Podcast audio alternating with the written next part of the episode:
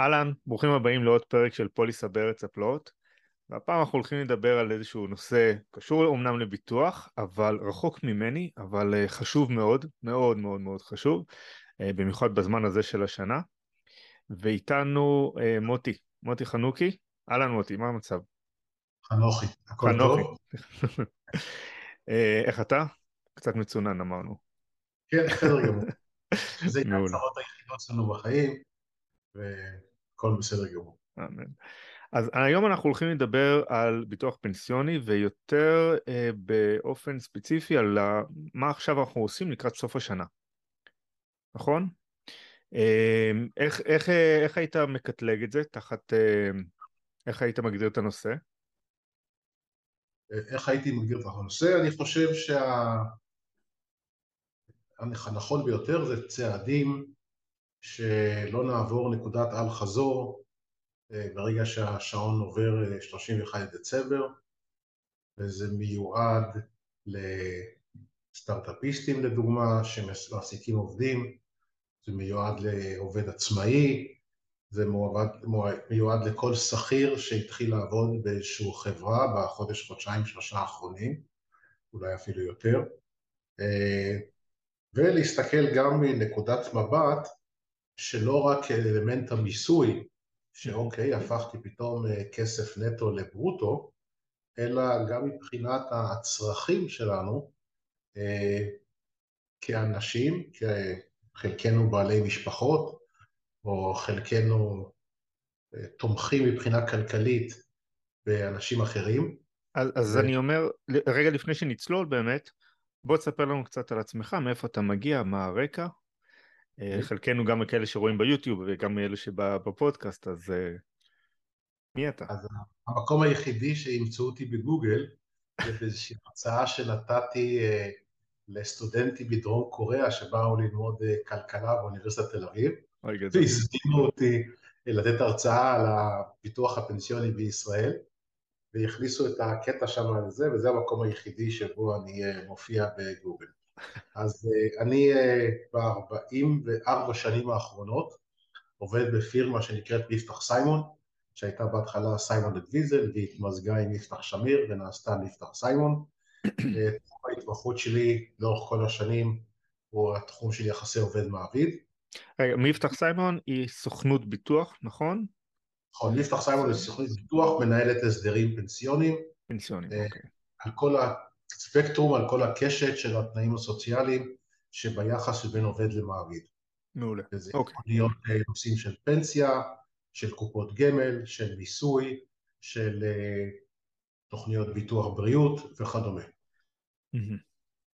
Okay. לפני זה הייתי, אה, לפני זה למדתי תואר שני מנהל עסקים בירושלים, ולפני זה למדתי תואר ראשון במתמטיקה וסטטיסטיקה בחיפה.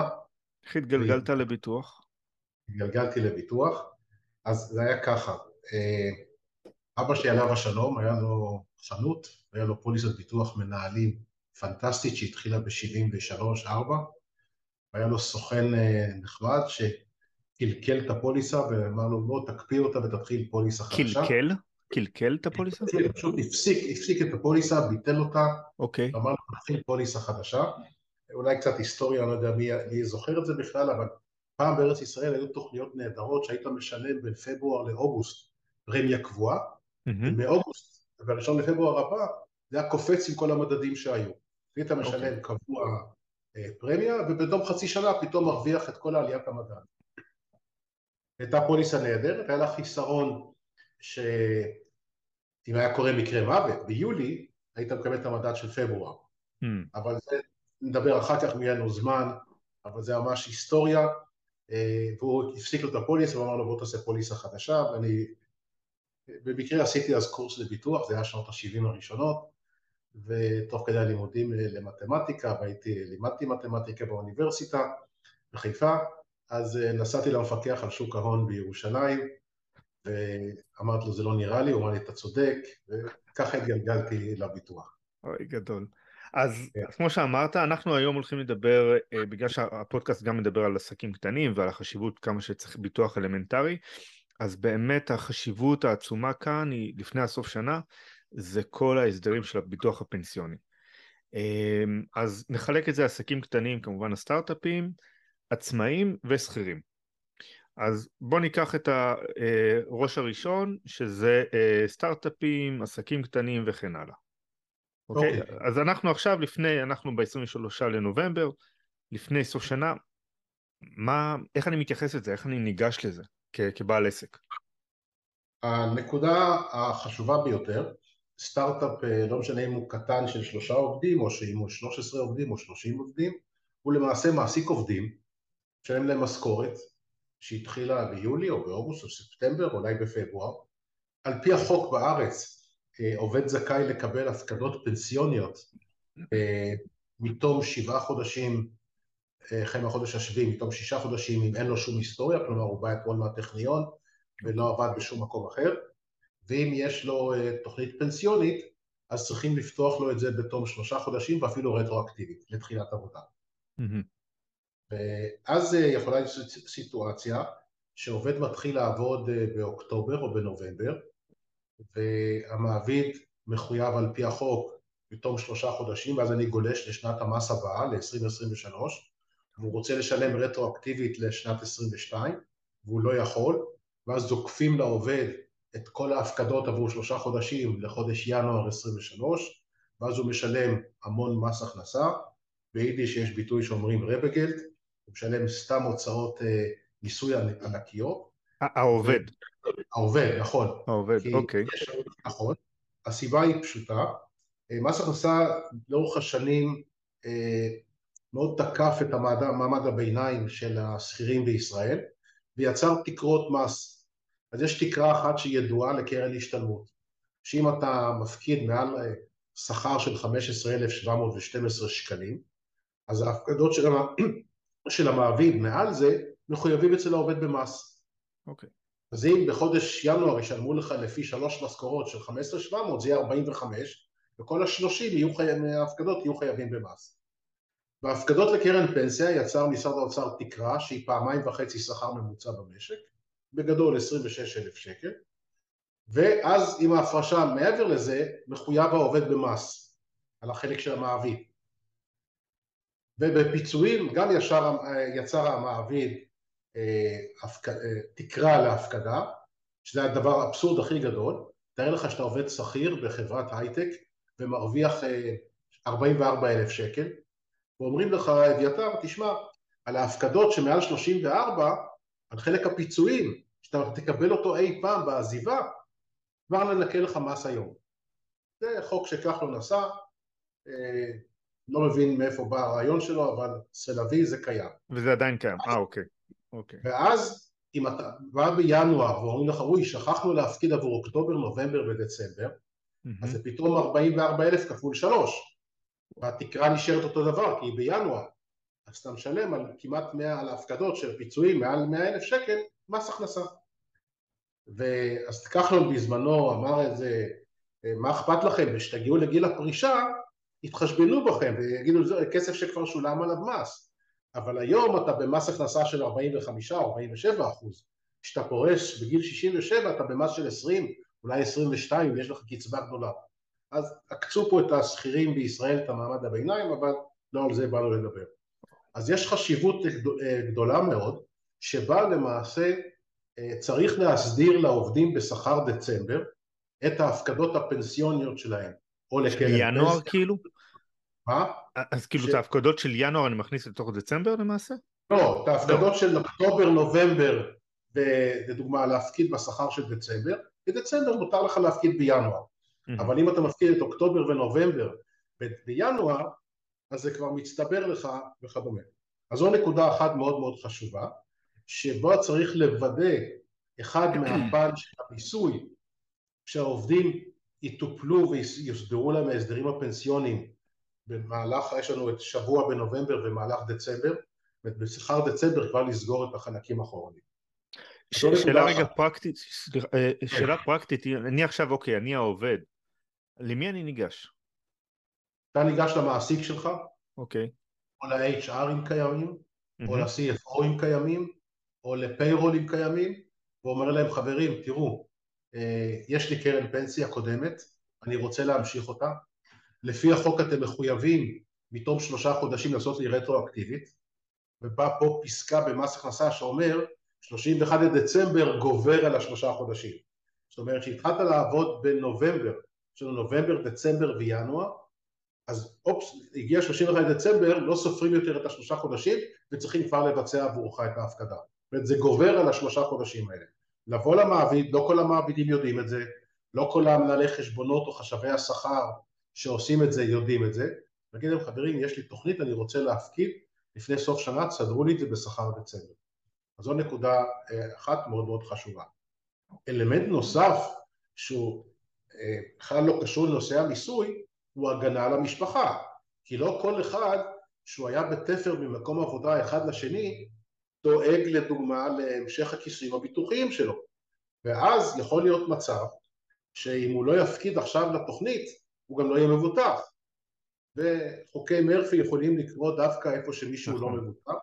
ואז הבעיה הופכת לא רק בעיה של ששת אלפים שקל מס הכנסה אלא בעיה של אולי שישה מיליון שקל שזה הערך הנוכחי של הקצבה שהאלמנה והילדים או האלמן והילדים היו מקבלים במקרה מוות או פיצוי של אובדן כושר עבודה. לפי, לפי מה שש מיליון או שזה פשוט איזשהו מספר איקס uh, כזה? לדוגמה, נניח לרגע, אז רק תסתם את השיש מיליון, אבל בוא נניח לרגע שהמשכורת לא גדולה, היא רק 25, 20 אלף שקל בוא נניח. אוקיי. אה, אתה בחור בן 35, אז במקרה חס וחלילה של מוות, אלמנתך אמורה לקבל 60% מהקצ... מה 20 אלף, 60% מזה זה 12 אלף שקל עד אחרית ימיה, עד גיל 81, שזה בערך תוחלת חיים. תעשה mm. ערך נוכחי של 12 אלף כפול כל השנים, זה המון כסף.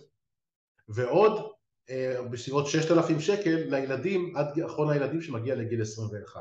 21? אוקיי. מהבן להיום זה המון המון כסף. אה, החלק השני הוא הקצבה למקרה של אובדן כושר עבודה, שהיא אמורה תמיד להיות 75% מהשכר החודשי. אז אם אני מרוויח 20 אלף שקל צריך להיות לי קצבה חודשית לאובדן כושר עבודה של 75% מהשכר, של 15 אלף שקל, זה עד גיל 67. בקיצור, שמישהו לא מבוטח זה ברוך אמיתי לכולם. אז רגע, אז יש לי, סליחה רגע, יש לי את החלק של הפנסיוני, נניח אה, לצורך הדוגמה את השישה מיליון האלה, פלוס האובדן כושר עבודה, נכון? ופלוס ביטוח החיים גם? לא, הביטוח חיים הוא, הוא למעשה הוא בתוך חודשית, הוא בתוך, הוא מאובן בתוך אותה קצבה לאלמנה okay. אוקיי, ולילדים. אוקיי. אז מספר הוא שישה מיליון הוא היה מוגזם, אבל תלוי באיזה רמת שכר. ה-X מיליונים הזה. זה יכול להיות שלושה מיליון שקל השווי של הערך הנוכחי, אם אתה מחשב אה, סכומים כאלה לחמישים שנה, זה המון המון כסף. אז זה נתון אחד של, שלמעשה אה, מצריך טיפול מאוד מאוד דחוף, ובטח בסטארט-אפ שהוא חי מה שנקרא על הגוש מהיום להיום, ואין לו עודף כספים, אז שו... מאוד חשוב להקפיד על החלק הזה, לסגור את כל הנושא של ההפקדות הפנסיוניות של העובדים לפני אה, שעושים את משכורת דצמבר. עכשיו, אנחנו דיברנו בשיחה המקדימה גם על החשיבות, על השמירה של הכיסוי הביטוחי בתוך שנת המס. נכון? שאתה עלול למעשה להיכנס לסיטואציה של חיתום מחדש. נניח עובד שלא עבד חצי שנה וכאלה, נכון? אכפת לך, בוא, בוא רגע באמת נתמקד בזה. כי אם עכשיו, אנחנו יודעים עכשיו על הפיטורים, על הגל פיטורים הגדול שיש. אה, ועכשיו אותו עובד נכנס באמת לאותה תקופה של חצי שנה, הוא לא עובד. איך, אה, איך, איך הוא צריך לגשת לפתור את הבעיה או לא להיקלע לאיזושהי בעיה פנסיונית?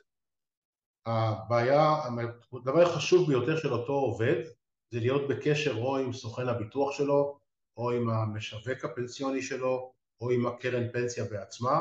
מה זה משווק להגיד... פנסיוני שרק ש... משווק פנסיוני זה מישהו שיש לו רישיון רק למעשה למכור לך את, הפנס... את הקרן פנסיה שהוא עובד בה. לדוגמה, מישהו עובד במנורה מותר לו למכור לך רק מנורה. מי שעובד במגדל, רק מגדל. סוכן ביטוח רגיל יכול לשווק לך גם את מנורה, גם את מגדל, גם את אלטשולר וגם את ילין לפידות. ומה זה יועץ פנסיוני? יועץ פנסיוני זה מישהו שהוא, אה, לא, אין לו רישיון לשיווק פנסיוני, אוקיי. הוא רק יועץ והוא מקבל כסף ממך או מהמעביד שלך עבור שעות הייעוץ שהוא נותן, mm. וזהו, ופה נגמר התפקיד שלו. בדרך כלל בחברות אה, סטארט-אפים או בחברות יותר גדולות יש מה שנקרא מנהל הסדר פנסיוני שהוא גם הסוכן וגם זה שדואג לאלוקציה של ההפקדות אה, של העובדים והוא למעשה שאיתו צריכים אותם עובדים שהם על ה... אה, עומדים פתאום מול מצב שהם הולכים לפיטור, לפיטורים ולא בהכרח שישה חודשים, אולי הוא שנה יושב בבית, אולי רק ארבעה חודשים. לדאוג להמשך הכיסויים הפנס... הביטוחיים שיש לו בתוך הפקד שלו. והכיסויים הביטוחיים הם שניים, הם למעשה אחד זה הכיסוי למשפחה בצורת הפקדה חודשית שהקרן פנסיה לפי התנאים נותנת, mm-hmm. שתיים זה הכיסוי לאובדן כושר עבודה, אחד זה ישמור לו על הרצף הביטוחי, שתיים זה למעשה ימנע ממנו את הצורך לבצע הצהרת בריאות חדשה בעוד חצי שנה שהוא יעבור למקום עבודה חדש. נניח פיטרו אותו היום מחברה A והוא רק בעוד שמונה חודשים הולך לחברת B ואם הוא לא הפקיד את אותם סכומים קטנים שזה עשרות שקלים לכיסויים הביטוחיים שלו אחד הוא פתאום נמצא בלי ביטוח שתיים עשויים, עלולים לבקש ממנו הצהרת בריאות. נגיד לו מה נזכרת פתאום לבוא אחרי שמונה חודשים? רגע אנחנו צריכים אנחנו מפחדים מאנטי סלקציה שכל החולים רוצים לחדש את התוכנית שלהם. אז הם רוצים הצהרת בריאות. בהצהרת בריאות אתה מתחיל איך אומרים, ממלא איזה 37 שאלות, ופתאום יכול להיות ששכחת להגיד, אה, או שלא שאלו אותך אף פעם, אם היה לך כאב גב, אם היה לך לחץ דם גבוה, או כל מיני אה, דברים, אה, או כולסטרול, דברים שיכולים להשפיע למעשה על, ה, על הכיסוי הביטוחי, על העלות של הכיסוי הביטוחי, או על קבלה שלך מחדש להיות מכוסה.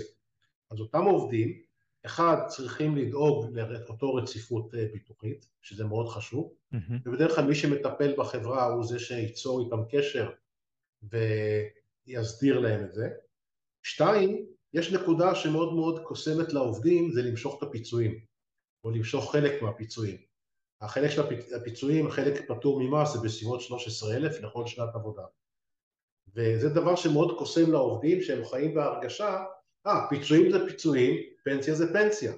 אבל הפיצויים, שזה הפקדה של שמונה ושליש אחוז, מתוך כמעט 19 ומשהו אחוז, אם אתה מחלק אחד בשני זה 45 אחוז. הווה אומר אם עבדת עכשיו עשר שנים באותה חברה A ואתה מושך את הפיצויים שלך, אתה הרגת חצי מהקצבה שצברת לפנסיה, או 45 אחוז ליתר דיוק. אז הדבר הכי חשוב שצריך, אני תמיד מסביר לעובדים, וצריכים לדעת, שמשיכה של פיצויים הורגת להם חצי מהפנסיה. עכשיו, אם העובד לוקח את הפיצויים ואומר, אה, מוטי, ראיתי ברחוב המסגר בקומה שישית, מספר 22, אה, משרד, ואני אקנה אותו, ויהיה לי הכנסה פסיבית, וזה יהיה חלק מהפנסיה שלי. סבבה לגמרי. אבל אם הוא לוקח את הכסף וחי איתו בינתיים, או מבזבז אותו על טיול לתאילנד או מטבח חדש, זה קטסטרופה, זה אסור לעשות. אז אלה שני אלמנטים שמאוד חשובים לאותם עובדים, שאם אה, חלילה מקבלים מכתב סיום עבודה, אחד, זה לדאוג לרצף ביטוחי, שתיים, לא למשוך את הפיצויים, ושלוש, ואני אומר את זה בכוונה, לא להתבייש ללכת לביטוח לאומי לקבל דמי אבטלה. יש עובדים שעבדו 15-20 שנה או 30 שנה, בחיים לא ראו את ביטוח לאומי, mm-hmm. בחיים לא היו מובטלים, ומבחינתם לבקש קצבת אבטלה זה, זה משהו, זה כאילו פוגע בהם בבריאות. אז אה, אותם עובדים, אני אומר להם, חבר'ה, אל תתביישו, שילמתם, עשיתם מילואים, שילמתם המון ביטוח לאומי, המון מס הכנסה, ישר לגשת לביטוח לאומי, לבקר, או ללשכת התעסוקה, או לשניהם ביחד, ולהירשם כמובטל, ולקבל דמי אבטלה, החוק מתיר עד 180 ימים, שזה שישה חודשים, לקבל דמי אבטלה. אבל, אבל, אבל אז מהבחינה הפנסיונית מול ביטוח לאומי לא קשור. לא קשור, נכון? הנושא הפנסיוני והכיסויים הביטוחיים הם רק בשביל עצמו מול משפחתו לדאוג שהוא יהיה מבוטח כמו שהוא היה אתמול מבוטח שהוא היה הרוויח 30 אלף שקל גם מחר שהוא מובטל, שיהיה מבוטח כאילו שהוא מרוויח 30 אלף שקל. עכשיו יש איזושהי נקודה שדיברנו בה באמת בשיחה המקדימה על הנושא הזה שרוב הצריכה המשפחתית נשארת, זאת אומרת לפעמים הרוב הפוקוס הוא על האובייקט עצמו, על המבוטח עצמו ולא על המשפחה שלו. נכון. הסטטיסטיקה מראה שמשפחה צורכת 100% של צריכה, נניח זה זוג עם שלושה ילדים, mm-hmm. במקרה הסתלקותו של בן המפרנס הראשי, המשפחה ממשיכה לצרוך בערך 84% באותם המאה. למה? כי המשכנתה קיימת והמיסים קיימים וה, והאוכל קיים והגז והחשמל והשכר דירה וכדומה. אז הסטטיסטיקה מראה, אם זה לא 84 זה להיות 82 או 80, הרוב של ההוצאה נשארת. לכן חשוב, לכן אגב גם כשמתכננים, שבא עובד ואומר אני רוצה לתכנן כמה ביטוח אני צריך, אז בונים לו מעין כזה אה, על פני השנים, אומרים לו תראה, אם אתמול הלכת לעולמך ולא חזרת הביתה, אז צריך מהיום 80 אחוז למשפחה עד שאחרון הילדים מגיע נניח לגיל 21 ואחרי זה בערך 60 אחוז לאשתך עד אחרית הימים. mm-hmm. מעוד נניח 20 שנה או 17 שנים עד שהיא תהיה בת 80-85 ואז עושים ערך נוכחי ואומרים תשמע זה השווי הכלכלי שלך בתור אה, איך אומרים מפרנס של המשפחה. עכשיו צריך לקחת בחשבון שעושים את זה אז כמובן לוקחים בחשבון אם בת הזוג או בן הזוג יודעים להרוויח בעצמם. יכול להיות שהיום הם לא עובדים מכוח סתם כי כיף להם אבל אם חס וחלילה קורה דבר כזה אז צריכים לצאת לעבודה. אה, שתיים, צריכים להסתכל אם יש נכסים כלשהם. לדוגמה יש נניח אולי עוד דירה שירשנו מהסבתא רבא זה, זה יכול להיות בטוחה מול הצורך הזה אבל בגדול אותו עובד צריך ישר לשבת כי הצרכים של המשפחה לא השתנו בזה שהוא פוטר אתמול בבוקר. עכשיו, לפני שניגע שנייה בכובע של המעסיק, ממה המעסיק צריך רגע לשים לב, ולא יודע, להכווין עובדים וכאלה, חשוב שהעובדים יבינו שיש אה, להם את הזכות לבחור את הסוכן, נכון? או את נכון. המשווק עצמו. זאת אומרת, זה לא שהמעסיק אומר, אני עובד עכשיו עם מוטי, אתם רק דרך מוטי. לא, אתם יכולים ללכת ל-XYZ.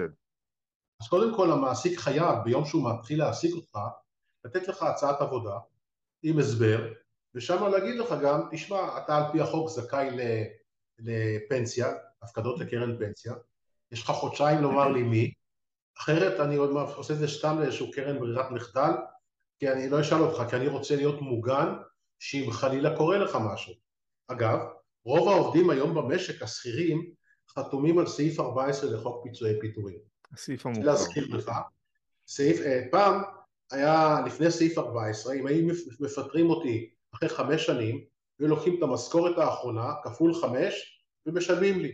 זה שהרווחתי בתחילת דרכי רק אלפיים דולר, ובשנה, בחודש האחרון עשרת אלפים, מה שהיה קובע זה עשרת אלפים כפול חמש שנים.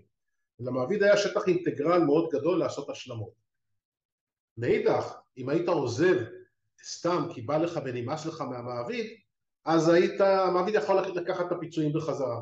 זה mm-hmm. השתנה לפני, לא זוכר כמה שנים, ובא סעיף 14 ואומר שלושה דברים, אחד, הפיצויים תמיד יהיו של העובד, שתיים, המעביד לא צריך להשלים את שטח האינטגרל הזה לשכר אחרון כפול ותק, ושלוש, המעביד מחויב שלעובד יהיה כיסוי של 75% מהשכר החודשי למקרה של חלילה אובדן כושר עבודה. ולכן מאוד מאוד חשוב למעביד בפן שלו לוודא שהוא עושה את ההפקדות לקרן פנסיה של העובד, או אם הוא עושה את זה לביטוח מנהלים, שיש שם רכיב של כיסוי לאובדן כושר עבודה, mm-hmm. לוודא שהעובד מכוסה. אם חס וחלילה קורה משהו לעובד ונפל עליו בלוק באיזה בניין בתל אביב שהוא עבר, ו... או לא משנה מה, המחויבות של המעביד זה שיהיה 75 אחוזים כל חודש, כל חודש עד אחרית הימים. זה ים של כסף. לכן יש אינטרס מובהק של המעביד לדאוג כמה שיותר מהר לעובד, לוודא שיש לו הפקדות ושהוא מכוסה למקרה של שאירים ואובדן כושר עבודה. איזה עוד דברים אני כמעסיק...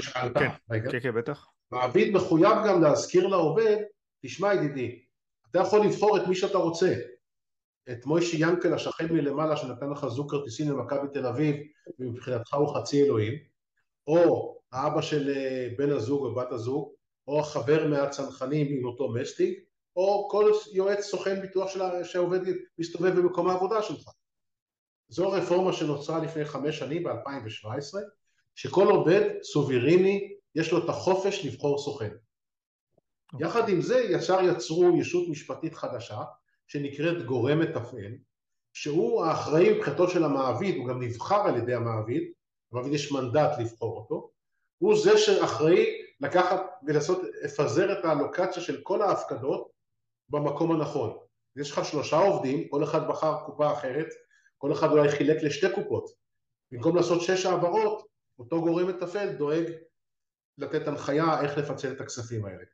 ומה זה הגורם מתפעל? הוא חלק מהמעסיק? הוא אצל המעסיק או אצל חברת הביטוח או הסוכנות? הגורם מתפעל הוא ישות עצמאית אוקיי. שהמעביד בוחר אותו. Mm. מעביד בוחר, יש לו את המנדט החוקי לבחור גורם מתפעל, כי תאר לך גוף כמו תעשייה אווירית, או כמו אוקיי, אלביט, נכון. יש להם יותר מעשרת אלפים עובדים. תאר לך ש-500 עובדים רק היו מביאים 500 סוכנים, היו צריכים עוד ארבע אנשים בפיירול. אז המחוקק אומר, לא, אתה מעביד תבחור גורם מתפעל אחד, שהוא ייתן את ההנחיות למדור שכר, איך לעשות את הפיצולים mm-hmm. בין העובדים לכל הקופות, באיזה רזולוציה שתחליטו שזה יהיה. אוקיי, okay. ואז הוא יושב, אה, זאת אומרת הוא אפילו לא הסוכן ביטוח, הוא לא כלום. נכון, עכשיו יש שני סוגים של מתפעלים, יש מתפעל שהוא רק מתפעל, שזה כאלה צצו המון בארץ אה, מ-2017, mm-hmm. שבנו מערכת יפה על אקסל או לא על אקסל וכדומה, ויש מתפעלים שיש להם רישיון גם להיות סוכן. אוקיי. Okay. ואז למעשה המעביד בחר את המתפעל, העובד יכול לבחור במתפעל גם בסוכן, כסוכן, אם יש לו אה, אה, רישיון כזה, אבל זה, סובר, זה החלטה עצמאית של העובד, הוא לא מחויב אה, לעשות את זה. אז אני עכשיו כמעסיק, אז אני יודע, אוקיי, אני צריך להפריש ואני צריך לדאוג את זה רגע, כמובן לפני ה-31 בדצמבר. אה, אני צריך לראות שהמעביד, סליחה, העובד שלי אה, בחר אה, קופה, נכון? תוך שלושה חודשים, תוך חודשיים, סליחה. מה עוד עליי לעשות כמעסיק? על מה אני צריך לשים את הדגש כדי לראות שאני לא בחוסר של משהו מול, מול העובד שלי? לוודא שמדור שכר קיבל לכם את הפרטים. יכול להיות שהעומד אומר, אה, יש לי חבר סוכן ביטוח, okay. אוקיי. אתה כמעביד זהו, נח לך על זרי הדפנה, הוא אמר שיש לו, אבל אף אחד לא דאג לסגור את המעגל mm. ולהעביר את ה, אותה מטריצה של הפקדות למנהל חשבונות או לחשב השכר ולמעשה אה, להגיד להם חבר'ה תכניסו את זה לתלוש השכר כי אז יעבור התלוש שכר מה שנקרא יבוא המועד ופתאום לא יודעים מה לעשות עם הכסף נכון. כולם בצרות וב... ובלחץ והחיפזון הופך להיות חיפזון מהשטן ו... ואז טעויות קורות. לכן המעסיק חייב אה, להיות ערני בחלק הזה ולא להגיד יצאתי ידי חובתי שלום על ישראל. המעביד צריך, כדאי, כי גם אם נניח אה, הוא הודיע לעובד והעובד אה, פספס, אז הוא חייב להגיד לחשב שכר תפתח לו קרן ברירת מחדל ותעביר לשם. אוקיי, ואחר כך מקסימום נתקן אה, או נשנה וכן הלאה. ניוד של מפה לפה וכדומה. אוקיי, אז יפה. אז נגענו בעובד, נגענו במעסיק, מה עכשיו לגבי העצמאי? שהוא העובד והמעסיק של עצמו. המעסיק על פי החוק אה, יכול מבחינת תקנות מס הכנסה להפקיד סכומים שנגזרים מהשכר שלו ועד תקרה מסוימת. פה צריך רואה חשבון או המנהל חשבונות או החשב או היועץ מס של אותו עצמאי אה, להגיד לו כמה אתה יכול להפקיד. המחוקק אפילו נתן הנחיה, הנחיה שהעצמאי יכול להפקיד במקום לביטוח לאומי להפקיד לקרן פנסיה, העיקר שיהיה לו איזו הפרשה לקרן פנסיה. Uh-huh. יש לעצמאים בישראל בעיה, כי התקרה שמותרת להפקדה היא תקרה של בערך 3,000 שקל לשנה, סליחה, לחודש. אוקיי. Okay. לחודש. עכשיו, קח רגע מצב שאתה שכיר, אתה עובד בהראל חברה לביטוח, והשכר שלך 30 אלף שקל, עובד בכיר. Mm-hmm. הסיבה שאתה הולך להיות עצמאי היא כי אתה רוצה להרוויח יותר מ-30 אלף. ב-30 אלף היית נשאר במשרד היפה שלך ממוזג, רכב חברה, קרן השתלמות, בונוסים וכדומה. עכשיו בא מס הכנסה ואומר רגע רגע רגע עכשיו אה לך. עם שכר 30 נכנס לזכותך כמעט 6,000 שקל לחודש כי ההפקדות של מעביד ועובד זה שמונה ושליש אחוז פיצויים שישה וחצי תגמולים של המעביד ושישה אחוז שלך כעובד זה 20.83 אחוז בוא נעגל את זה ל-20 זה 6,000 שקל הווה אומר שאם אתה מפקיד מחר רק 3,000 אתה מפקיד לפי חצי משכורת. נכון. אז יש בעיה לאותם עצמאים שמרוויחים נניח בין 15 ל-40-50 אלף שקל לחודש שהם לא, לא מפקידים מספיק. למה? כי זה לא מוכר. כי חלק מהמנהלי חשבונות אומרים לכם, אז זה לא מוכר, אל תוציא את זה. כמו שאתה נוסע פתאום באוטו ואומרים לך זה לא מוכר, אז אני אסע באוטובוס.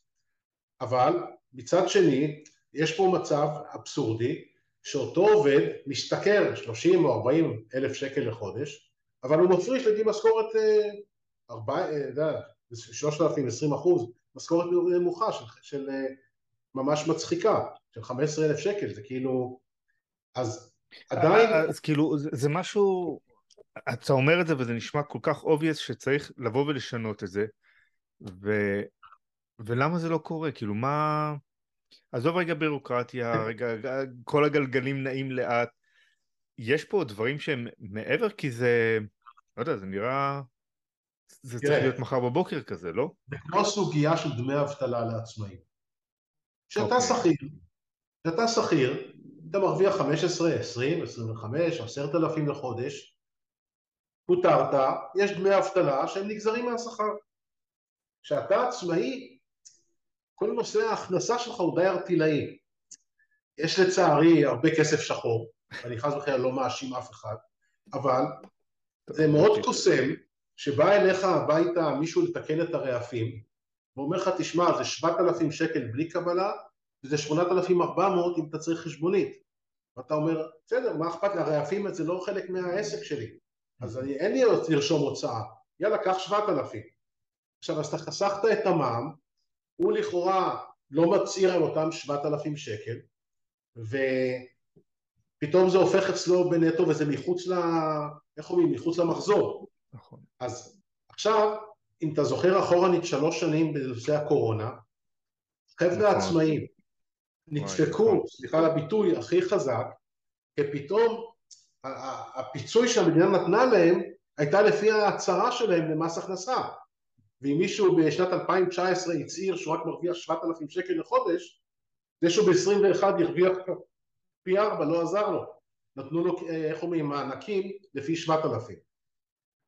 אז כמו שיש בעיה למדינה בנושא של דמי אבטלה, שלא יודעים איך לפתור את זה, אז אה, יש איזה אבסורד בנושא הזה של אה, הפקדות לקרן פנסיה שנשארו מאחור עד היום, אה, ונוצר מצב שאם העצמאי לא עם אופי חזק מאוד להפקיד כסף, גם אם הוא לא מוכר לצורכי מס, עדיין להפקיד אותו כדי שהוא ישמור על רמת חיים סבירה, אה, איך אומרים? ברבות הימים, שהוא ירצה לצאת לגמלאות ולא, אה, ולא יהיה לו מאיפה לחיות.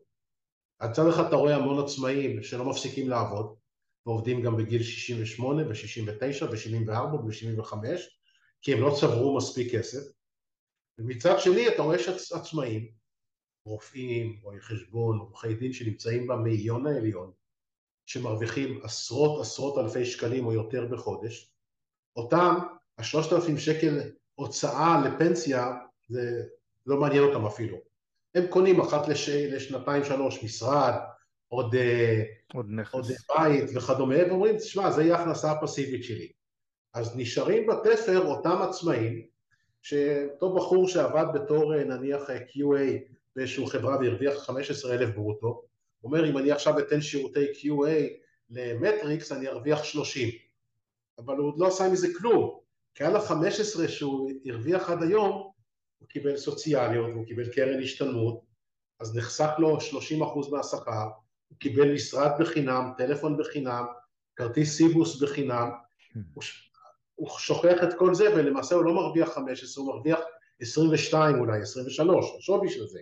נכון. ואז אם הוא עושה קפיצה מ-23 ל-30, זה לא, זה, זה לא עושה מספיק מעניין.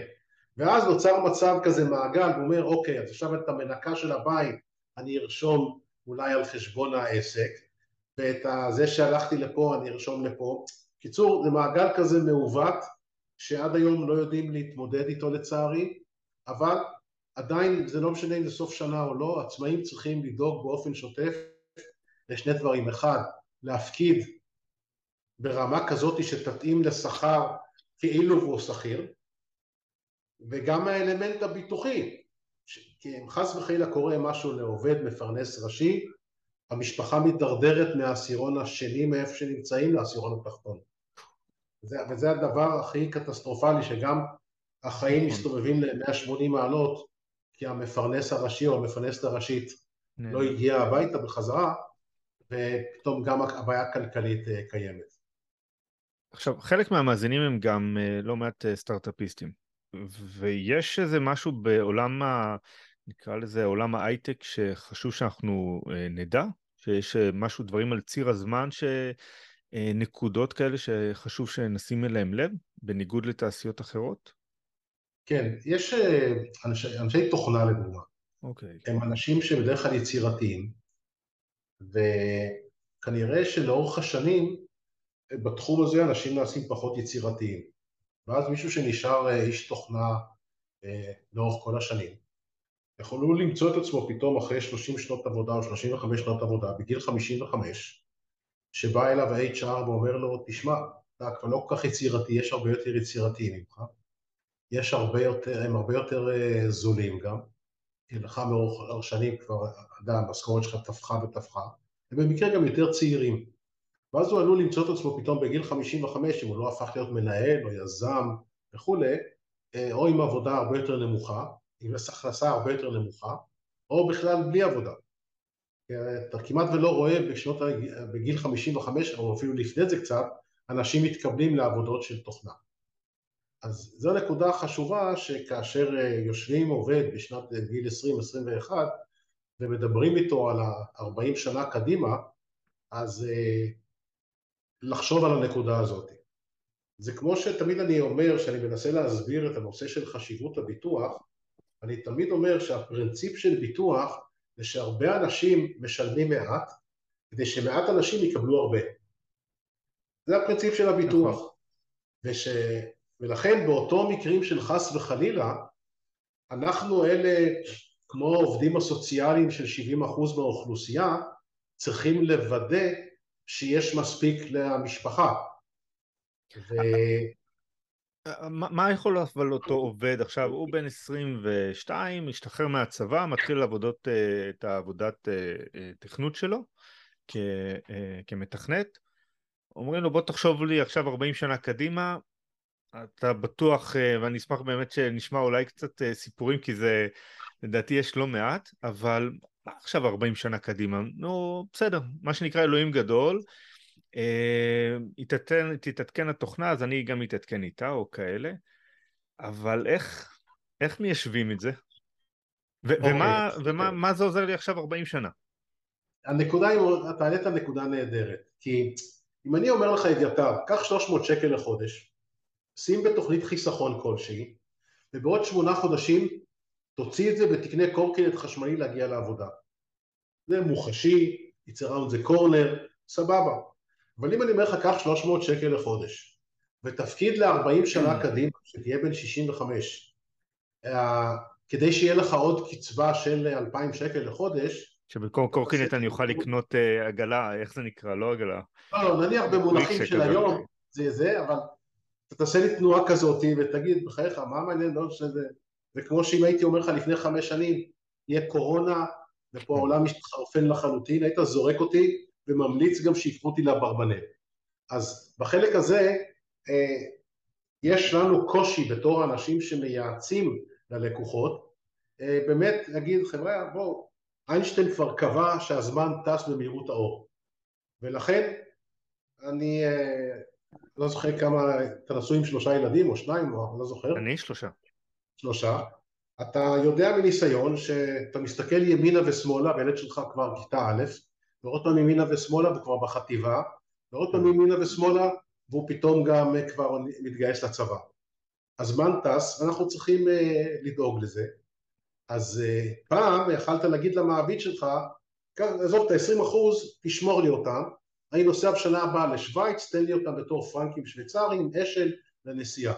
את זה המחוקק ב-2008 אמר not anymore, אתה חייב לקבל קצבה חודשית, כי אני בתור הגודפאזר, המחוקק ששומר על ה, גם על היתומים ועל האלמנות, לא רק עליך, רוצה שיהיה לך קצבה גם לגיל הפרישה, כי זו סכנה מאוד מאוד גדולה, שאתה מתעורר בגיל 75 ואומר אופס נשארתי בחיים ונגמר לי הכסף. Hmm. בוא נספר לך סיפור אישי, אבא שלי עליו השלום, היה לו אטליז בקריית טבעון, הוא מכר אותו בגיל 65, היה לו גם קופת גמל, ואז הוא אמר לי בן יקר למדת מנהל עסקים, למדת ביטוח, כמה אני יכול למשוך לחודש? אז ציירתי לו כזה משולש ישר זווית, ואמרתי לו תראה אתה יכול למשוך, הריבית הייתה ידועה, אתה יכול למשוך כך וכך כסף למשך 15 שנה עד גיל 80 כי זה תוחלת החיים ואז הוא אומר לי ומה יקרה אם אני אחיה עד גיל 84? אז אמרתי לו מה אתה דואג שלושה ילדים יש לך הם יעזרו לך ואז הוא אמר לי ביידיש מייכל טוידס אל תעשו לי טובות אני לא רוצה בגיל 80 להיות תלוי על זה אז מה הוא אמר? אני רוצה למשוך פחות אבל מה המשמעות למשוך פחות? הוא ישב בחושך הוא היה הולך אה, לשוק אחרי הצהריים לקנות את הירקות הכי זולים. בקיצור, הרמת חיים שלו הייתה מאוד נמוכה, בסוף הלך לעולמו בגיל 74 והשאיר ירושה בלי שהילדים שלו צריכים אותה. אז אה, לכן בתוך המכלול הזה מאוד מאוד חשוב שגם כשהעובד מגיע לגיל הפרישה יש בפניו את הסכנות של חיים ארוכים מדי, חיים קצרים מדי, שהוא יגיד לעצמו וואו אני אשאיר כסף בקופה, בחברת הביטוח, מה אני פראייר, אני אמשוך את הכל, אבל אז פתאום באים שנים כמו עשר שנים האחרונות עם ריבית אפס, אז הכסף שלו נשחק, אז צריך להסתכל על כל מיני אלמנטים שלמעשה, שאני קורא להם פיזור סיכונים לצורך העניין. אתה יודע, מעניין אותי כי גם אמרת עכשיו אה, על הדוגמה של אבא שלך וגם על, אה, אה, על אותו עובד צעיר. תראה, בסופו של דבר אנחנו מתעסקים במקצוע שאנחנו בוחרים, מוכרים מוצר של אה, אמור להגן על הבן אדם כשיקרה לו חלילה אסון. ואנשים הרי רוצים לחשוב אה, חיובי, לא רוצים עכשיו אה, לדבר על אסונות או חלילה מוות. איך, איך אתה, 44 שנות, שנות ניסיון, כאילו, יש לך, היו לך לא מעט שיחות כאלה אני מניח. איך, איך אתה ניגש לזה? כאילו זה, זה להפחיד, כאילו, או, ש, או שכבר זה לא להפחיד, זה לדבר לה, על ה-common sense. תראה, להפחיד זה לא עובד טוב, כי נכון. אנשים בדרך כלל נסגרים עוד יותר, כמו איזה חילזון שנכנס לתוך הקונכייה במקרה של פחד. אה, בדרך כלל הגישות הוא, כשאני מדבר על עצמי, ואני לא חוזר אתמול הביתה, יש לי אישה, יש לי שלושה ילדים, ולי חשוב שהם יצטרכו, יוכלו לחיות באותם חוגים באותה דירה ברעננה. זה חשוב לי. למרות שאני יכול מצד שני להגיד, שמע, יש לי אישה חתיכה, חודשיים אחרי שאני נעלמתי, ייכנס מישהו אחר ויחיה ויעזור לה עד אחרית הימים. אני יכול להגיד גם משפט, אני סומך על הקדוש ברוך הוא, לא דואג להם בכלל. או אני יכול להגיד אה, שימכרו את הדירה ברעננה ויעברו לשלומי בצפון או לאופקים בדרום ויחיו בהפרשי שכר דירה. אז נכון, כל אחד. עכשיו, כשאתה מדבר במונחים כאלה, אה, ואתה מדבר על להידרדר מהעשירון השלישי או השני לעשירון התחתון, לאורך השנים זה יותר ויותר מחלחל אה, לאנשים, לא לפתרון טוטאלי של, של הצרכים שלהם, אבל לפחות זה כן אה, תורם. שתיים, תורם לזה שהמחוקק הכריח את העובדים לשים כסף בתוכנית פנסיה. Mm-hmm. הוא הכריח, אין יותר לקבל אשל בשוויץ. וזו נקודה שאתה כבר, קל לי לבוא אליך ולהגיד אליתר, תשמע, במילא כבר, איך אומרים, מכריחים אותך להוציא את הכסף הזה, ולמעביד שלך מוכרחים, מוכרחים אותו גם כן, אז בוא לפחות נשים אותו בצורה אופטימלית. עם דמי ניהול נמוכים, עם כיסוי מתאים לך ולמשפחה, ונבדוק כל שנתיים, אולי זכית בלוטו, עשית אקזיט, ואפשר כבר לשנות את המיקס בפנים, יותר חיסכון, פחות פנסיה וכדומה. איך אתה רואה את הקהל מבוטחים היום לעומת שנים עברו? באים אליך עם יותר אה, הבנה, עם יותר אה, אה, נניח שיעורי בית שהם עשו לפני כן, יותר מכירים את התחום, כן, כן. האנשים היום, בשנים האחרונות, הרבה יותר מה שנקרא מודעים, הרבה יותר דורשים, אנשים היום רוצים הכי מהר, הכי מקצוען, הכי בזול. כמו בכל תחום אחר. כן.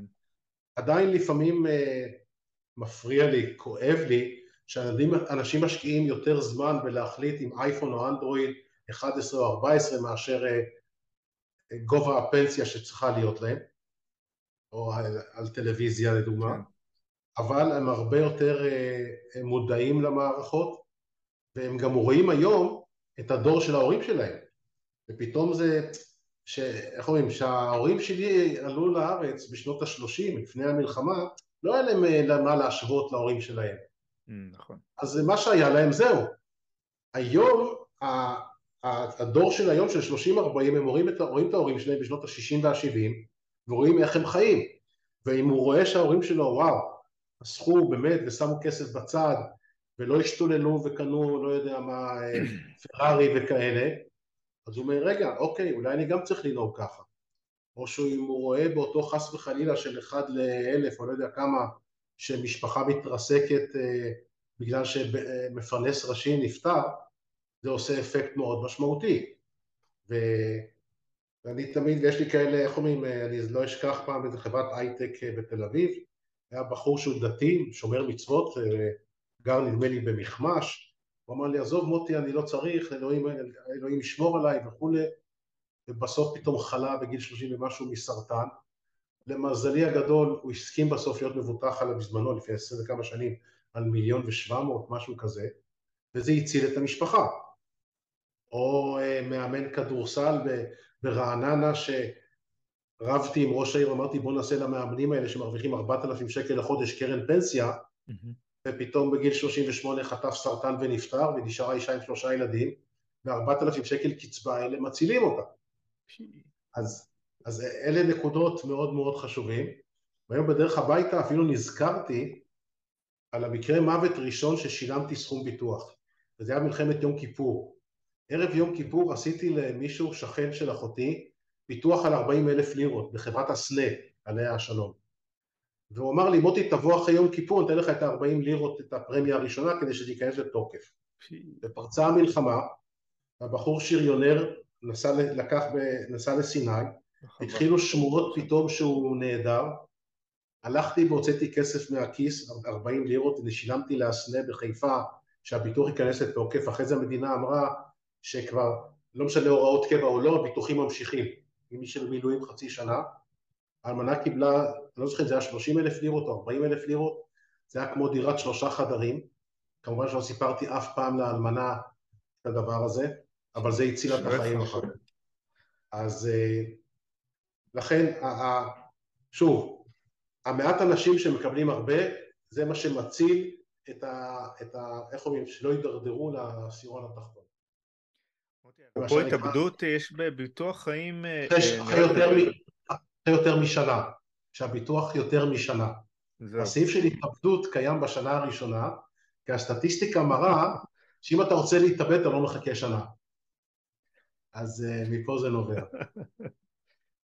אוקיי, okay, אז, מה שנקרא שנצחק על הדברים ועל הדברים החיוביים ולא, ולא על השליליים חלילה. Yeah. אה, כן. מוטי, אני רוצה להגיד לך המון המון תודה. אני למדתי, אני בטוח שגם המאזינים, ולקראת סוף שנה באמת לכנס מותניים ו... ולדאוג לעובדים. לדאוג לעובדים. יופי. מוטי, תודה רבה רבה. בכיף. יאללה, אחלה ערב. טוב, ערב טוב.